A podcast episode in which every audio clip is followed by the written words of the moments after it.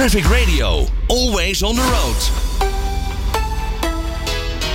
Ja, en een trein die 1000 km per uur kan rijden klinkt misschien best onwerkelijk. Toch wordt er aan gewerkt. Zo uh, wordt er aan gewerkt door Delft Hyperloop. Aan de telefoon hebben wij woordvoerder van Delft Hyperloop, Gijs Rodeburg. Gijs, een hele goede middag.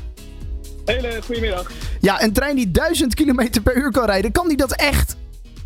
Uh, ja, in de toekomst zeker wel. In de toekomst? Uh, op het moment nog niet. Oké, okay, hoe hard gaat hij nu op dit moment?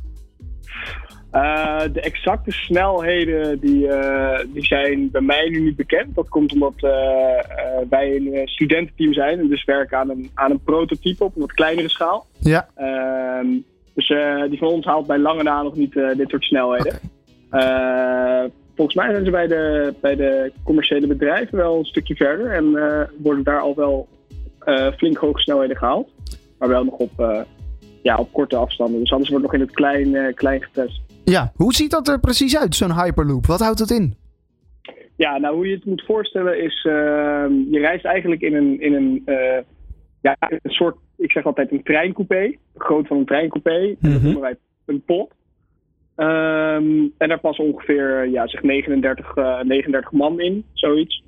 Um, en die pot die bevindt zich in een, uh, in een buis. Die buis is bijna vacuüm getrokken. En nou ja, omdat het bijna vacuüm is, heb je dus geen luchtweerstand, of bijna geen luchtweerstand. en ook is het zo dat die, die pot zweeft in de buis. En dat doen zij door, door magnetische levitatie, door eigenlijk het gebruik van permanente magneten en, uh, uh, en magneten in de, in de track, dus in de baan. Ja.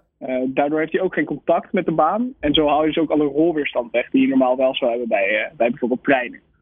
Um, en door dit vacuüm en door die rolweerstand heeft hij, of sorry, door het gebrek aan vaak, luchtweerstand en rolweerstand, zou die dus 1000 km per uur kunnen halen. Um, en dat kan ook nog eens op een duurzame manier, want het wordt, uh, de voortstuwing die wordt gebruikt is uh, magnetische propulsie, oftewel uh, magneten. Ja. En dat wordt opgewekt door, door zonne-energie, bijvoorbeeld door de zonnepanelen die dus op de buis zitten. waardoor je dus eigenlijk renewable energy gebruikt. Dus het is ook nog eens uh, helemaal CO2-neutraal. Nou, dat, uh, daar hadden we het eerder ook al met Menno Zwart over. Uh, hè, over de, de, de, de, de luchtvaartindustrie. Um, en daar gaat deze, deze treinen, deze Hyperloop dus ook aan, aan meewerken. ik kan me voorstellen dat er veel voordelen aan zitten. zijn er toch ook nog wat nadelen van deze Hyperloop te noemen? nou, nadelen, ja, er zijn zeker wel wat, wel wat haken en ogen, als ja. het zo te zeggen. Uh, ik, natuurlijk zijn de investeringskosten om zo'n uh, infrastructuur neer te zetten best wel hoog. Want uh, je moet het en het materiaal gebruiken voor zo'n hele infrastructuur, wat je bijvoorbeeld bij vliegtuigen niet hebt. Um, ja, en het, het, prijzenplaatje is, is wel groot als je een heel, laten we zeggen, een heel continentaal netwerk wil hebben. Um, dus ja, er zitten. Ja. En, want, want, hoe doen jullie dat nu dan al? Want jullie zijn er nu met Delft Hyperloop mee bezig. op welke manier wordt dat dan gefinancierd?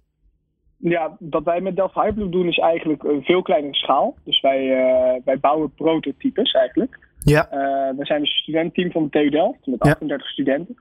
Uh, en wij werken een jaar lang toe naar een competitie waarin over de hele wereld meerdere studententeams meedoen om te laten zien wat het beste Hyperloop prototype is. In dit prototype wordt dan gekeken naar de technologieën, dus er past ook geen persoon in, dus echt op kleinere schaal. Maar wat we wel doen is we gebruiken wel de uh, de magnetische levitatietechnieken, de, de propulsietechniek met magneten. Um, en we maken ook alles vacuum compatible, oftewel dat het in het vacuüm kan. Uh, maar wij maken dus geen zeg maar, lange afstanden van kilometers om te testen. We maken het echt op een, uh, op een kleine schaal voor, voor puur het valideren eigenlijk van de technologie die gebruikt kan worden. Ja, zo'n testbaan is er al wel. In Veendam komt er een testbaan van 400 meter. Is dat een grote doorbraak in de ontwikkeling van de Hyperloop? Ja, ja zeker. Ja. En, uh, er komen nu inderdaad wel wat testfacilities aan. En uh, dat is een hele grote doorbraak. En het is ook heel fijn om te zien dat de overheid um, en de EU ook de Hyperloop uh, ondersteunt op die manier. Ja. Um, en op die testbanen is er ook meer ruimte om nog dieper ja, eigenlijk alle technische details uit te werken. Ja. Dus uh, ja, dat is, uh, is, zeker een grote doorbraak. Want wat is nou de toekomst van de Hyperloop? Kan ik met de Hyperloop uh, van mijn huis naar mijn werk? Is dat de bedoeling? Of is de Hyperloop meer bedoeld van ik kan van mijn huis naar vakantie in Spanje, naar Barcelona? Ja, goede vraag. Nou, waar het eigenlijk voor bedoeld is, is het, het overnemen van internationale reizen. Oké. En daarmee bedoel ik uh, continentaal met een vliegtuig. Dus bijvoorbeeld, je wil naar Barcelona vanaf Amsterdam. Dan Ja. zou je de Hyperloop nemen. Juist. En dan ben je er, ben je er in een uurtje. In een Eh, uur? wil, wil je naar Parijs, ben je er in een half uurtje. Eh, en je moet het zo zien dat het dus eigenlijk bedoeld is om de korte en medium vluchten vooral te gaan vervangen. Omdat dat toch niet echt duurzaam is met alle kerosine, zeg maar. Ja. Eh, en de Hyperloop is een erg duurzaam transport. Dus als we dat zouden kunnen aanleggen, dan verbindt het waarschijnlijk alle grote steden. Dat is eigenlijk nu het hoofdidee. Oh. Ehm, dus het wordt een netwerk, continentaal netwerk van alle grote steden. En dan zou je dus, wat bijvoorbeeld ook zou kunnen, dat je eh, woont in Nederland, maar werkt in Spanje. En dat je elke dag een eh, uurtje met de Hyperloop gaat. Dat is gewoon wat te noemen. Dan is het alsnog gewoon werkverkeer. Jemig, wat interessant. En maar het, het, het kan ook, ik gok dat dat dan ook geen, eh, geen moeite is, om het gewoon van, van Engeland naar Amerika te laten gaan. Ja, dat is dus wel een. Oh, dat is nog wel een probleem. Want dan heb je, heb je de zee natuurlijk. En Ja. je- Ehm, en dat is qua infrastructuur eigenlijk bijna niet te doen. Eh. En ook veel, vele malen lastiger. Dus het is wel echt bedoeld op, eh, op continentaal, eh, continentale reizen. Oké. Ja, wel heel interessant. De toekomst van de Hyperloop. W- wanneer, wanneer denken jullie dat ik een, op, op vakantie kan met de Hyperloop? Dat ik een ticket kan boeken? ja, op vakantie duurt nog wel even, denk ik. Ze zijn nu vooral bezig, eh, zeg maar de vooruitlopende bedrijven zijn vooral bezig met cargo, cargo dus eigenlijk het transport van goederen. Oh ja. Eh, en de verwachting is daarvoor dat de eerste baan, wat zeg maar één connectie zou zijn tussen twee steden, dus niet een heel netwerk, maar de eerste baan er eh 2035 tot 2040 zou liggen voor goederentransport. Oké. Eh, en als dat allemaal goed verloopt en dat, dat, alles werkt en het is veilig, eh, dan is het zeker wel aannemelijk om tussen 2050 en 2060 al wat meerdere Hyperloop eh, connecties te hebben. En dan zou je rond die tijd, als het goed is, eh, met de Hyperloop eh, op vakantie kunnen. Nou, het duurt dan nog wel even, maar uh, iets om naar uit te kijken.